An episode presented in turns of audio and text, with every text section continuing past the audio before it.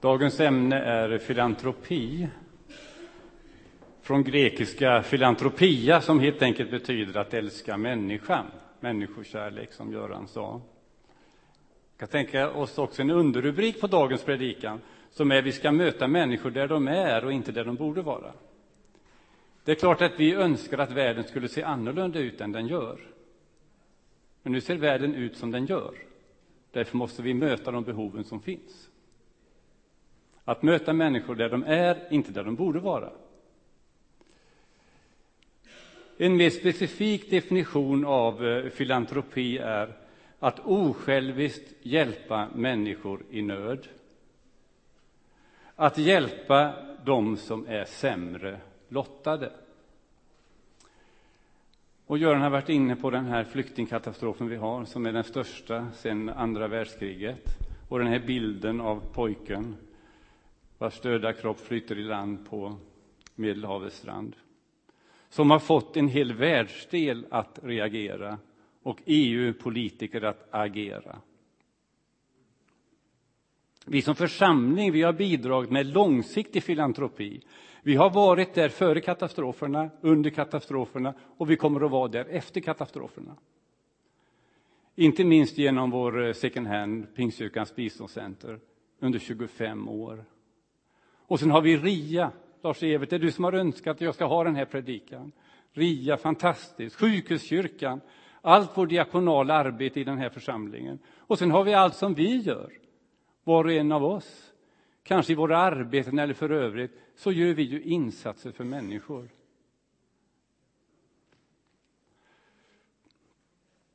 Forskning visar att troende människor är mer benägna än andra människor att hjälpa människor i nöd. Och det är inte konstigt, för det här finns i den kristna tron och värdegrunden och inte minst i Bibelns budskap. Det kommer jag in på. De ateistiska humanisterna i Sverige kritiserar oss kristna bland annat för, som de säger, ni fokuserar så mycket på livet efter döden. Ni borde fokusera mer på livet före döden. Och de har helt fel. För det är just troende som mer än andra tänker på hur människor har det före döden, livet här också. Jag vill ge lite faktabakgrund för, till den här flyktingkatastrofen vi har. Det är 60 miljoner människor på flykt idag. Och 20 miljoner, kanske 30 miljoner, upp till hälften av dem är barn. Och för att kunna få bara ett räkneexempel. Det handlar alltså om tusen människor per invånare i Mölndal. En väldigt liten del av dessa tar sig på farliga vägar till Sverige. Under ett år kommer så många så att det är en person på 200 medlemmar i Sverige, invånare i Sverige. Det borde ett rikt land som Sverige kunna klara av.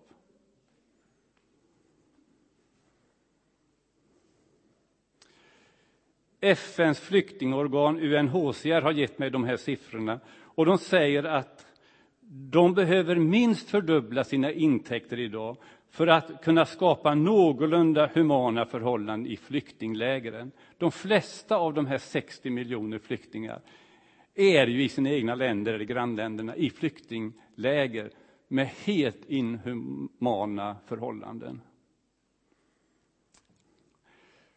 När det gäller fattigdomen i världen så har FNs generalsekreterare Ban Ki-Moon uttalat något mycket tankeväckande och sant. Han säger så här, vi är faktiskt den första generationen som på riktigt kan utrota fattigdomen i världen. I nästa mening säger han också, det ska jag inte tala om idag, men det är också tankeväckande.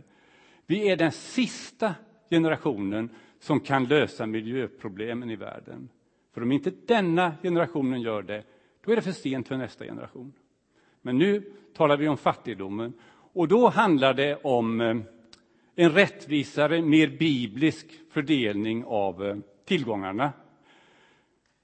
Vet ni att en procent av världens befolkning idag äger nästan hälften av alla tillgångar. En hundradel äger hälften av alla tillgångar. Så illa fördelat är det. Om vi tittar på dollarmiljardärerna i världen, det vill säga de som äger mer än en miljard dollar. Om man, detta är bara ett räkneexempel, jag hävdar inte att man ska göra så, men ni måste förstå perspektivet. Om man tar ut en förmögenhetsskatt på 1,5 procent av dem, ni kan tänka er att de kan leva ganska bra även om man tar ut den skatten. Om man tar ut 1,5 procent av dollarmiljardärerna eh, så kan man finansiera både skolgång och sjukvård helt och hållet i världens 49 fattigaste länder. Det här är siffror som är helt otroliga, men det talar om hur situationen ändå är. Och vi måste gripas av det. Så det var lite bakgrund till dagens predikan. Och nu ska jag ta lite personligt vittnesbörd, kan man säga, som ni nog aldrig har hört, från min barndom. Nu är jag så gammal så jag kan liksom göra det här, ni känner ju mig, så jag kan ta alla möjliga mer eller mindre fantastiska berättelser. Lars-Evert har sagt att jag måste ta den här, så jag kommer att göra det, Lars-Evert. Eh, jag fick ju lära mig i mitt hem att man ska möta människor där de är och inte där de borde vara. Eh, och till exempel när pappa, han var ju sångarevangelist, när han ordnade sång och musikaftnar hemma i vårt hem. I finrummet var det. Då kom eh, släkt och vänner och grannar och så, hade vi, och så sjöng vi, och det var nästan alltid. Det mesta var naturligtvis andliga sånger, pappa var evangelist. Men som pappa sa, om ni vill sjunga någon annan sång, ni som har kommit här, då gör vi det. Någon vanlig profan sång, så kan ni få göra det. Det var många som kritiserade pappa för det. Men då sa han, om vi räknar med att de som inte går i frikyrkan eller kyrkan överhuvudtaget här, om de ska komma till de här sång och musikaftnarna, så måste de också få vara med och välja sånger. Vi måste ju möta människor där de är. Och då var det ju så att eh, Greta då, hon älskade ju att spela sittra och hennes favoritsång var Grindslanten. Och det var ju någonting helt annat än vad vi sjöng i söndagsskolan. Det var ju en massa kyssar, bara som exempel. Och så jag kan förstå att de tyckte så, men pappa sa hela tiden, vi måste möta dem där de är. Och sen att sitta där och se tårarna på Gretas kinder när vi sjöng barnatro därefter. Då fattar jag, pappa har rätt. Vi måste möta dem där de är. Och nu kommer en fantastisk berättelse som jag skulle kunna ta väldigt länge, men jag får ta ett koncentrat, Lars-Evert, om denne Gavel-Sven. Det, det var ju så att väldigt många som betraktades som udda personer fick faktiskt plats vid vårt köksbord för samtal och lite fika.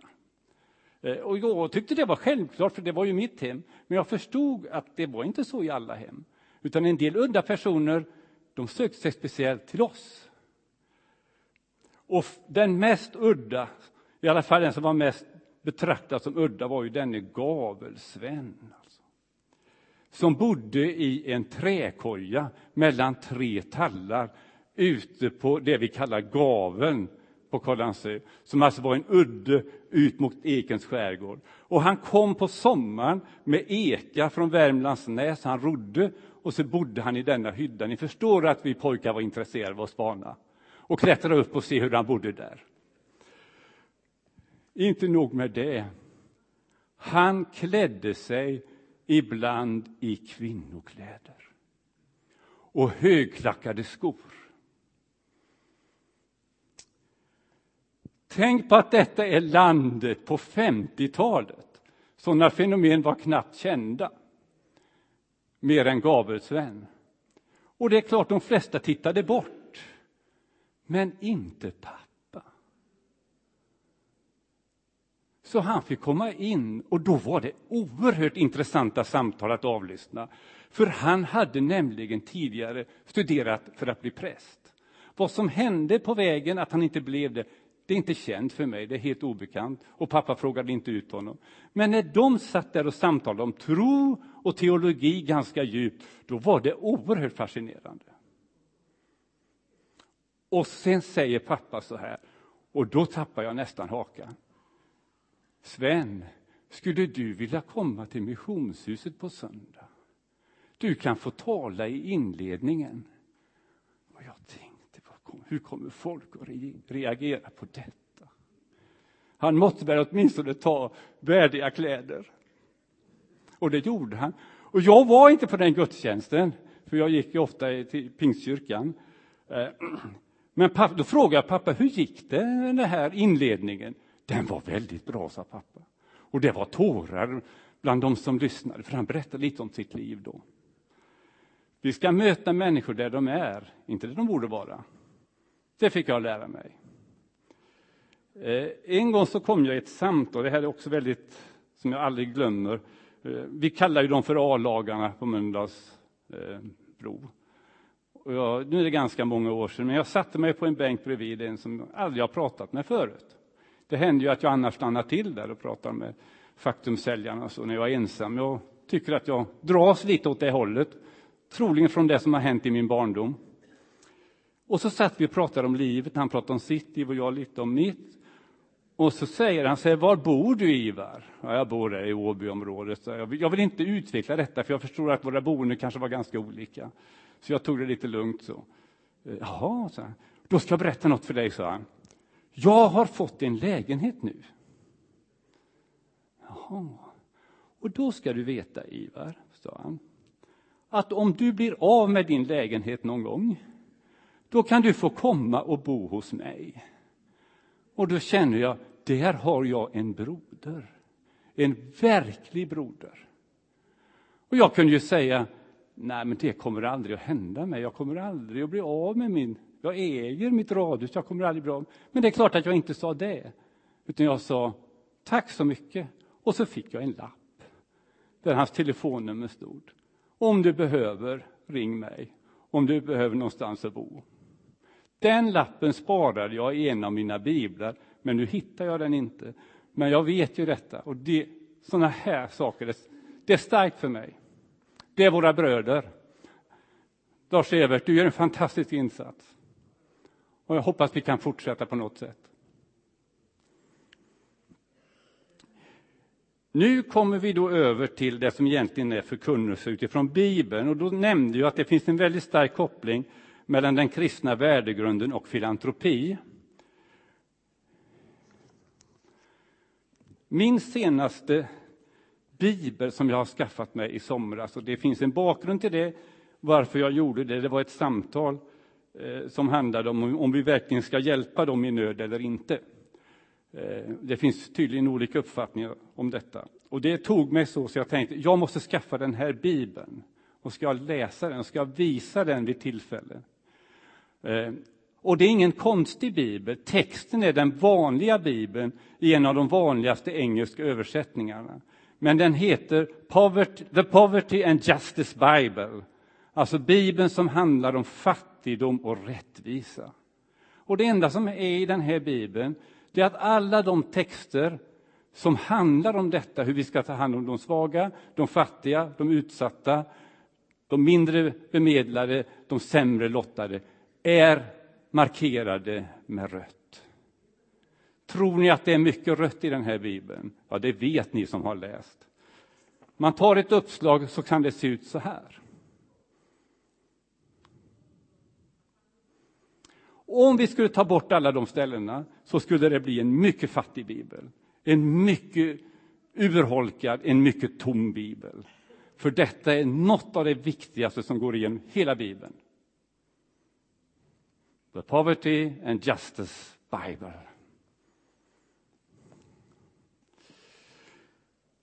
Och nu ska vi göra ett axplock. Vi ska gå lite genom Bibeln och ta några av de här texterna, tänkte jag. Den första frågan som ställs till Gud i Bibeln är den här. Ska jag ta vara på min broder? Och det är Kain som ställer den frågan när han har tagit livet av sin bror Abel. Ska jag ta vara på min bror? Det är ganska intressant att Gud inte svarar på det. Han svarar inte på den frågan. För han vet att inom Kain så finns svaret, för det är en självklarhet att han skulle ha tagit vara på sin broder. Istället säger Gud, men din broders blod ropar till mig dag och natt. Och då förstår Kain vad han har gjort och han blir förkrossad. Ehm, och han ber om nåd och han får nåd, för sån är Gud. Hur många människors blod ropar inte till Gud idag? Ja, vi har hört några siffror.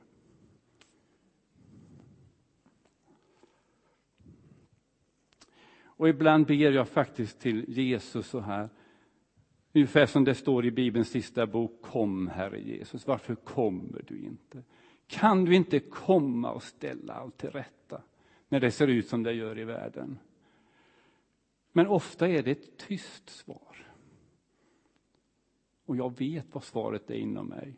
Det är som det men tills jag kommer, Ivar, så får ni göra vad ni kan. Och ni, det är er uppgift att göra det. Sen att jag kommer, det är ju fantastiskt. Men tills dess. Innan jag kommer och ställer allt till rätta. Jag vill ta en text mitt i Bibeln, från Jesaja 58. Om ni har biblarna med er så är det verserna 69, annars kan ni notera det. Jag kommer bara att citera det. Från Jesaja. Nej, detta är den fasta jag vill se, att du lossar orättfärdiga bojor, sliter sönder okets rep, befriar de förtryckta, krossar alla ok, delar ditt bröd med den hungrige, ge hemlösa stackare husrum. Ser du en naken så klä honom, vänd inte dina egna ryggen. Då bryter gryningsljuset framför dig och dina sår skall genast läkas. Din rättfärdighet ska gå framför dig och Herrens härlighet gå sist i ditt tåg. Då ska Herren svara när du kallar. När du ropar säger han, här är jag. Såg ni kopplingen mellan att göra den här filantropiska, allt det som berättas där, och att det skulle gå oss väl? Kan det vara så att detta sociala arbete som vi är engagerade i, att det har med församlingens bästa, församlingens tillväxt, församlingens hälsa att göra? Ja, enligt denna texten är det så. Kan det vara så att vårt sociala arbete som vi har i den här församlingen kan vara kopplat till att vi har döpt 22 personer i den här församlingen under drygt ett år.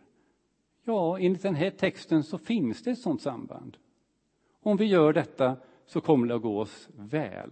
Och detta stämmer. Jag tror ni känner till Karl-Erik Salberg, Sankta Klara kyrka i Stockholm var han tidigare, när han var i funktion som präst. Han har studerat detta i en avhandling och han har tittat på de rörelser och kyrkor som har haft framgång i historien och de har alltid haft ett stort socialt engagemang. Det är en framgångsfaktor för församlingar och tillväxt. Så är det utan tvekan. Det är inte den enda framgångsfaktorn. Men nu talar vi om filantropi idag. Hade jag talat om bön så hade jag sagt att bönen var en framgångsfaktor också enligt Karl-Erik Salberg. Eh, och hade jag talat om Bibeln så hade jag sagt att det är viktigt att ha en stark värdegrund i församlingarna. Men nu handlar det om det sociala arbetet. Och då säger Karl-Erik Salberg bland annat så här. Teologi, det ska stavas te och logi. Något att äta, tak över huvudet, det är riktig teologi. Och det är framgångsteologi om ni nu är intresserade av det. Jag tar det lite lugnt för jag hör att Per håller på, han hinner nog inte riktigt med ibland. Men vi får se.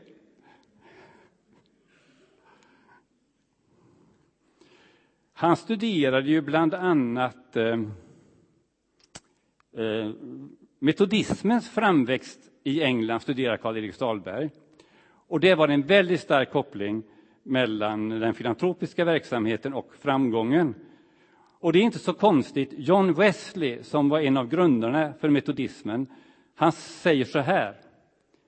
Gör allt gott du kan, med alla medel du kan, på alla platser du kan, vid alla tillfällen du kan, till alla personer du kan, så länge du någonsin kan. En framgångsfaktor för metodismen. Jag vill vandra vidare i, eh, i Bibeln och ta några axplock också från Jesu verksamhet. Och då börjar jag med Jesu programförklaring, den första predikan i Nasarets synagoga. Då talar han om vad han har kommit för och då står det så här, att han säger då, han läser och så tolkar han det till att det är han själv, som den här texten handlar om från Gamla testamentet då. Herrens ande är över mig, ty han har smort mig till att frambära ett glädjebud till de fattiga. Han har sänt mig att förkunna befrielse för de fångna och syn för de blinda, att ge de förtryckta frihet och förkunna ett nådens år från Herren. Det finns de som menar att denna förkunnelse, förkunnelse ska tolkas andligt. Jag har svårt att förstå det, när den är så oerhört konkret filantropisk.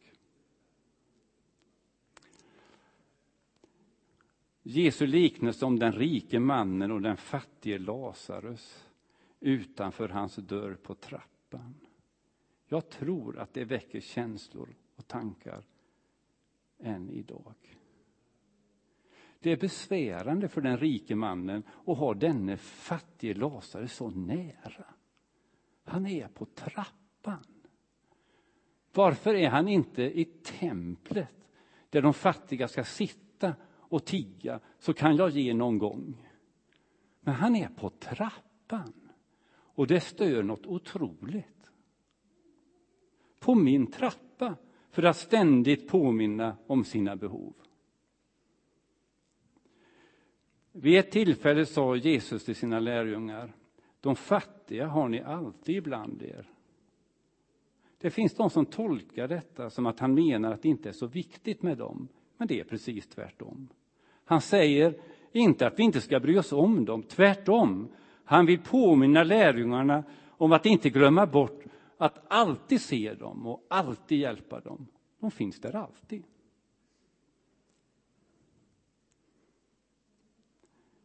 Kommer ni ihåg från söndagsskolan eller från annan förkunnelse om Jesus och Sakaios? Det var ju han som klättrade upp i ett träd för att kunna se Jesus bättre när Jesus kom. Och Jesus säger, nu får du ge dig ner, för jag ska besöka ditt hus nu. Och Sackeus skyndade sig ner och gjorde i ordning en festmåltid. Vad händer under festmåltiden? Sackaios ställer sig upp och säger så här. Hälften av vad jag äger, Herre, ger jag nu åt de fattiga. Och har jag pressat ut pengar av någon ska jag betala igen det fyrdubbelt. Då säger Jesus till honom, idag har frälsningen kommit till det här huset. Vilken kommentar! Det står ingenstans i texten att Sackaios föll ner för Jesu fötter och tillbad eller bekände sin tro på honom.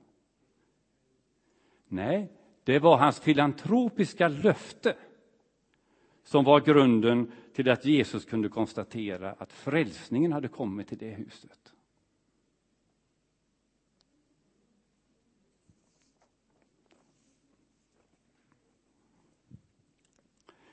I Matteus 25 är de välkända och också rannsakande orden som vi ofta och bör ta fram i det här sammanhanget. Det är slutbedömningen av våra liv. Ibland kallas det för dom. Jag skulle vilja säga slutbedömning.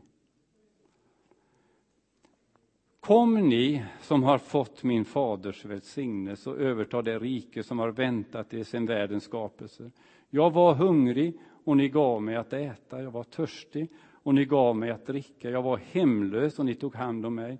Jag var naken och ni gav mig kläder, jag var sjuk och ni såg till mig, jag satt i fängelse och ni besökte mig. De som hör det här säger, men Jesus, vi har aldrig sett dig där, i de situationerna. Men då säger han, det ni har gjort för en av dessa mina minsta, det har ni ju gjort för mig. Och har ni inte gjort det för dem, så har ni inte heller gjort det för mig. Hur ska vi nu få ihop detta? Att vi är frälsta av nåd, för visst är vi det. Inte genom gärningar. Men ändå att Jesus och de andra i Bibelns böcker så starkt betonar hur vi bör handla, hur vi bör leva. Hur går det att få ihop detta? Ja, kanske att Paulus lyckas få ihop det i den här versen ifrån Efesierbrevet 2. Där han kopplar ihop det här med tro och gärningar på det här intressanta sättet. Lyssna. Ty av nåd är ni frälsta genom tron, inte av er själva. Guds gåva är det. Det beror inte på gärningar. Ingen ska kunna berömma sig. Ja, klart med det. Fortsättningen. Vi är hans verk, skapade genom Kristus Jesus till att göra de goda gärningar som Gud från början har bestämt oss till.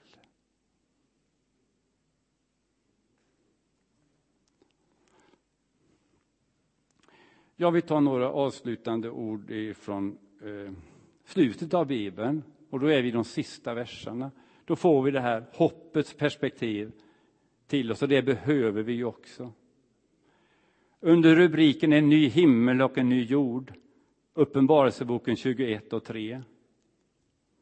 Och det här är tröst. Se, Guds tält står bland människorna och han ska bo ibland dem och de ska vara hans folk och Gud själv ska vara hos dem och han ska torka alla tårar från deras ögon. Döden ska inte finnas mer. Och ingen sorg och ingen klagan och ingen smärta ska finnas mer. Ty det som en gång var, det är nu borta. Vilket perspektiv, vilket hopp. Men där är vi inte än. Vi måste möta världen där den är, inte där den borde vara. Bibelns sista kapitel, Uppenbarelseboken 22.12. Se, jag kommer snart och har med mig lön att ge åt var och en efter hans gärningar. Jag är A och O, den förste och den siste, början och slutet. Hur ser våra gärningar ut? Det slutar min predikan, men eh, jag har ju förberett några att komplettera här, för nu har det varit lite teori, mycket bibelord och liksom bakgrund. Då. Eh, Kenneth, skulle du vilja komma fram nu och berätta lite om vad vi gör utifrån vårt stora filantropiska arbete genom eh, vårt biståndscenter och second hand? Varsågod. Jag kan förbereda också. Jag, jag, skulle väldigt gärna sen vilja att Lars-Evert kommer fram också. Jag vill helt enkelt be för Ria. Och jag vill att Ulla kommer fram, hon sitter där nere. Eh, och Janne Pettersson får också vara lite förberedd nu. Men det blir efter, det blir efter, det blir efter Kenneth. Mm. Ja, ni hör mig här. Bra. Vi se om vi kan få fram lite bilder. Där har vi en bild. Jag har några bilder att visa. Och jag ska säga sen också att om ni vill ha de här, och det kanske är bra, så kan vi kopiera upp dem efteråt också. Eh, jag tror inte jag behöver stå så nära. Så, det blir bra, va? Ni hör? Jättebra. Ja, ni ser den här bilden utav eh, second hand, Pingsmölndal och jordgloben där. Jag tyckte det var väldigt fiffigt när jag kom på den här bilden med jordgloben. För ni ser den först vänstra handen där, eller ena handen, som har jordgloben. Det kan väl få vara Guds hand, men den andra är det ju en second hand, eller hur? Och det kan ju vara vår hand då, eller vad säger ni? Jag tyckte inte det var så dumt. I alla fall, rubriken Hur gör vi med biståndet? Ja, alltså det här är ju då lite tankar och funderingar från, eh, från eh, Missions och biståndsrådet som vi har haft, som jag tänkte bara redogöra för lite granna och annat översiktligt om proceduren som vi ska ha i höst här när det gäller att bestämma. Hör ni mig?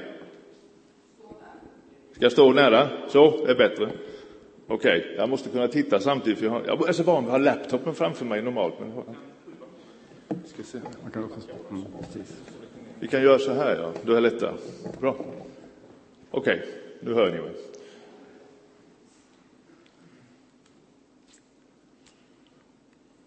Vi se här. Nu ja. Jo, det gäller alltså eh, processen nu för hösten när det gäller vår biståndsbudget och framförallt till 2016. Som ni ser, ledstjärnan är ju då att vi ska vara delaktiga i det här ordentligt. Va? Vi ska få med så många som möjligt i församlingen, i vår församling, att ge input. Och eh, då vill jag uppmana att Eh, ge förslag på olika sätt till, jag kommer ytterligare eh, lite till det senare, till Missions och biståndsrådet eh, nu framåt här. Vi ska ha ett möte i Missions och biståndsrådet 24 i nionde där vi ska försöka samla ihop olika funderingar och tankar. Och då behöver vi alltså få era synpunkter till dess. Jag kommer lite mer information sedan om hur, hur vi kan göra det där. Eh, sen ska vi ha ett informationsmöte, tänkte jag och tänkte vi i rådet, eh, den 25 tionde efter gudstjänsten vid ett kyrkkaffe. Vi hade ju det i fjol en lördag, om ni kommer ihåg. Det var faktiskt samma datum. Men det hade vi på kvällen, så nu tänkte vi istället att vi tar det i samband med kyrkkaffe och lite kanske förlängt sådant då. Eh, sen ska vi då ge ett förslag till styrelsen och eh, de, det finns ett styrelsemöte den 17 11 och sedan så eh, blir det församlingsmöte och då kan vi ju naturligtvis ge ytterligare förslag. Va? Så det är ungefär den proceduren som vi ska ha. Eh, det fel. Vi ska gå på det hållet. Jo, vad är då på tapeten? Ja, det är naturligtvis det här med flyktingsituationen. Och eh, om ni eh, lyssnar på Hans Rosling, som är professor i internationell hälsa vid Karolinska institutet, så framhöll han ju speciellt då situationen som Ivar också nämnde för alla de som finns i flyktingläger. Bland annat i Libanon. Jag kan ta ett personligt exempel, eh, eller ett exempel från våra personliga kontakter. Vi har en bekant eh, som, som eh, arbetar i, med flyktingar där, delvis i Libanons flyktingläger. Till, alltså där finns ungefär en miljon flyktingar bara i Libanon och det finns fyra miljoner invånare. Ni kan tänka er vilken situation detta är. Och till allt annat elände så har nu kommit en sandstorm från Sahara för några dagar sedan och som har kvävt väldigt många människor. Till allt annat, alltså brist på sjukvård och eh, förnödenheter och så vidare. Eh, och han nämnde detta, han skickade ett, eh, jag tror det var någon Facebook eller ett mejl till Karin här om situationen där. Eh, så att eh, vi vill göra då en speciell insats för de flyktingar som faktiskt finns i i, i de här lägren. Va? Det är så vi har tänkt det. Eh, så lite grann för vad som kommer 2016. Jag vill bara nämna det lite. En stor sak som jag tycker och som vi tycker det är ju att vi måste samverka bättre mellan kyrkorna och andra organisationer i Mölndal om konkreta projekt. Och det gäller alltså pingst, Biforskyrkan till exempel, Rotary som ju hjälper oss med volontärer. Det har vi ytterligare en väldigt positiv faktor med samverkan. Vi behöver volontärer som ni vet till butiken. Och det finns andra kyrkor, kanske andra organisationer också. Eh, vissa saker som vi kommer att avsluta. Eh, Estlandsbiståndet till eh, Oma Peres som är ju då en, eh, en sån här, eh, hjälp mig, organisation för, för eh, mm, adoption eh, i Estland. Det kommer vi avsluta eh, mig i år, eh, alltså det sista året i år. Eh, vi har haft engagemang i Bolivia, Peru och i Mellanamerika via en organisation som heter Testa Mission i Jönköping. Det är David Johansson, ni känner kanske till honom. Det kommer vi att fasa ut, är tanken. Så det lämnar ju ett visst utrymme också för andra engagemang. Och också i Thailand så räknar vi med förhoppningsvis en kraftigt reducerad budget faktiskt för 2016 och sen vet vi inte vad som händer framåt så småningom. Va? Vi ser här igen, trycker på rätt. Jo, så för att sammanfatta nu då, så eh, välkomnar vi alltså idéer, tankar, färdiga eller ofärdiga förslag till vad vi ska syssla med och vad vi kan tänka oss att ta oss an. Eh, så tala, mejla, ring. Och första, främst har jag satt upp mitt eget eh, egen adress och e-mail där. Roland som sitter där nere. Som gör, vi jobbar ju som ett team. kan vi säga, Roland och jag då, som varit leda det här rådet. Och eh, där har vi övriga i rådet, Annette eh, Tidefors, Daniel Lundin sitter där nere, John Georgita, Ingmar Tidefors, Ivar Gustafsson, Lennart Björkenfors och Liliana Hovestam. Kan vi prata med vilken som helst av oss. Eh, eller som sagt, eh, ring, mejla. Men jag tänkte vi kan ta en frågestund nu vid kyrkkaffet också, när vi ändå har allting på, så att säga, uppe. Och det är hot issues, så att säga. Va? Så kan vi ju göra det.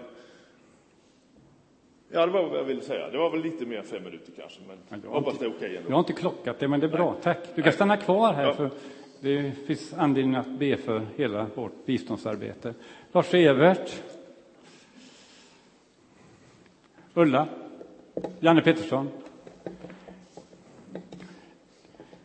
Det är inte så att det är bara dessa som jag tar fram nu som står för filantropin i församlingen. Det gör vi alla. Men eh, det känns ändå bra att uppmärksamma med en förbön för, för er här. Ulla är ju diakon i församlingen. Det är ju att hjälpa människor med olika behov. Och jag vet inte, Ulla, om du vill säga något om de här flyktingboendena som är i närheten här?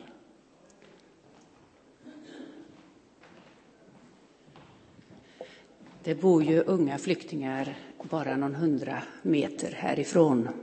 Och vi var där i tisdags, Ingemar Tidefors och jag, och knackade på Jartens villa, som vi säger, den gula villan här uppe.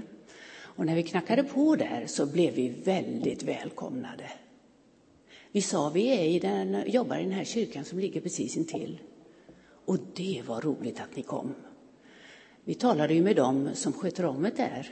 Det var eh, fyra vuxna som vi talade med där, som arbetar där, med de flyktingar som har sitt hem där. Så de bor där tills de klarar sig och går ut i arbetslivet. Och då sa vi så här, vad har ni för behov? Är det kanske något vi kan hjälpa till via second hand? Eh, nej, det behövs inte. En bra fråga. Men att ha något för de här unga, mest pojkar, vet ni, eh, att göra på fritid. Och då inbjöd vi dem genast till att komma till Alive på fredag. Och det som finns av verksamhet där. Och han var så tacksam. Vi satte upp en affisch där. Och så sa vi också, för Ingemar är ju finkänslig på det sättet att om man inte vill vara med på bönen så måste man ju naturligtvis inte det. Vi har kristna här som vill. Och så gick vi ner till den som är förra Sion. Det var ju inte under vår tid, men det var ju eh, Sion, församlingens kyrka nere som har varit målarbord. Där knackar vi på. Och likadant där. Åh, vad roligt att ni kom. Ja, så presenterade vi oss och Ingemar sa att här har jag gått i söndagsskola, det blir direktkontakt. Och de här människorna som jobbar där, entusiastiska människor som jobbar för de här unga flyktingarna som har lämnat allt. Vi vet inte, kanske inte finns någon släkt kvar. Allt. Och där får de bo. Likadant där, deras behov var egentligen att få ha någonting att göra. Så vi har inbjudit också dem till fredag och sen får vi se vad det kan bli av den kontakten. Det kändes så positivt. Och för dem, vet ni, som kommer i strömmar och många, de kommer till Kållered. Där är mängden just nu, som kommer kanske bara en kort period. Och där vet ni från uppropet förra söndagen, vad kan vi göra med en eh, väska, något enkelt, hygienartiklar. Och det har kommit så mycket gensvar under veckan så det har varit svårt att ta emot. Så second hand får vara en förmedlare och ha den här kontakten. Det pratade jag med Daniel om igår. Att Mölndals kommun kan direkt också vända sig vid behov av det här allra nödvändigaste. Ja, så vet ni vad som finns i vår närhet. Jag tror att Janne har någonting att säga. Janne, du har ju blivit kallad en äldre man i Lindome. Vad var det som hände? Ja, eh, det var så här att allt det med filantropi, det tycker man ofta att bara det kommer en bit ifrån. Men när det kommer 25 meter ifrån där man bor då blir det inte riktigt, då tänker man till, eh, vill jag ha det här? Och vill grannarna ha det här? Och då gäller det i den andliga kompassen eller den filantropiska kompassen att den funkar. Samlades 40-tal, väldigt upprört möte. Det var de med från, från, från eh, kommunen och berätta vilken situation de var i. Och det blir, ni vet, det är värre än kan vara ett riktigt stridigt samhälle, det var ändå värre det här. Men vi har ju inga sådana mun så det var ingenting. Men då, vid det tillfället, så, så blev det väldigt stridigt. Och då ställde jag mig upp och sa så här, att vi är ju egentligen rätt vänliga människor här. Vad kan vi göra för dem? Och det vände mötet. Och det blev något annat utav det. Det var en journalist där, Joakim Lamotte, om ni har hört talas om honom. Han gjorde ett väldigt sånt där program av det, att det var det hemskaste han varit med på. Det var inte riktigt så. Och då sa han då att det var en äldre herre som hade ställt sig upp och sagt några saker då. Lite djärvt, han tyckte det var den djärvaste som är, men det vet ni att det är inte jag. Men jag tänkte så här att det ändrade situationen för att jag råkade då ha den andliga kompassen riktad. Efteråt kom grannarna och jag blev glad när jag fick det här mejlet. Lite snabbt ska jag läsa det. Det står så en granne där. Igår gjorde jag det... Jag ta på de här stackarna också. Igår gjorde jag och min syster och en väninna tillsammans med våra barn ett besök hos våra grannar, de nya ensamkomna flyktingbarnen. Vi hade med oss kläder, skor, filmer och snackis till fredagsmyset. Just nu bor nio pojkar i 13 år på Snickargården. Våra barn spelar pingis, fint ordnat av Ragge, det är en annan kille som bor på området, ihop med killarna. De lekte även på lekplatsen, speciellt ungdomarna. Och sen var det några som har gett fotbollar. En polis var där nere, han hade varit där med gitarrer. Så kan den andliga kompassen fungera. Då blev jag glad att jag vågade ställa mig upp.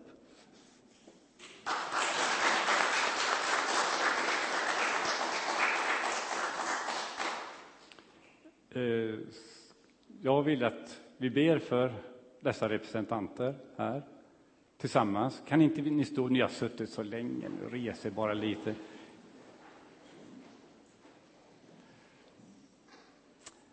Herre Jesus, vi vet att ditt hjärta blöder för de som har det svårt i vår värld, långt bort och nära. Herre, du ska hjälpa oss så att vi kan bistå på det sätt vi kan alla som är i nöd och som har stora behov. De som saknar hus och hem, de som lever i flyktingläger, de som är på väg hit på farliga vägar och hjälp oss att ta emot de som kommer. Tack för att vi har fått stått i ett sånt här socialt arbete genom vårt biståndscenter i så många år. Tack för alla vi har hjälpt. Tack för alla som är våra missionärer och biståndsarbetare som är nära där behoven finns. Välsigna dem i deras arbete. Och så ber jag att vi ska kunna nå människor i Mölndal som lever på skuggsidan. Jag tackar dig för Lars-Evert och insatsen i RIA. Tack för att eh, du ska lösa det på något sätt med lokalen här, jag vet inte hur. Och eh, styrk Lars-Evert och de andra frivilliga arbetarna där. Och tack för att vi som församling får vara med i det här diakonala arbetet, Ulla och alla andra. Att vi får se behoven som finns och som kommer till oss så nära nu, Herre. Hjälp oss att öppna våra hjärtan. Amen. Tack vänner. Lars-Evert vill inget säga, jag har frågat honom. Så det är okej, okay. men du vill ha förbön. Ja. En sak till vänner, nästa söndag så kommer vi att ta en utgångskollekt efter söndags förmiddagsgudstjänsten för eh, flyktingar. Så nu kan ni förbereda er och ta med pengar eller på annat sätt lösa det.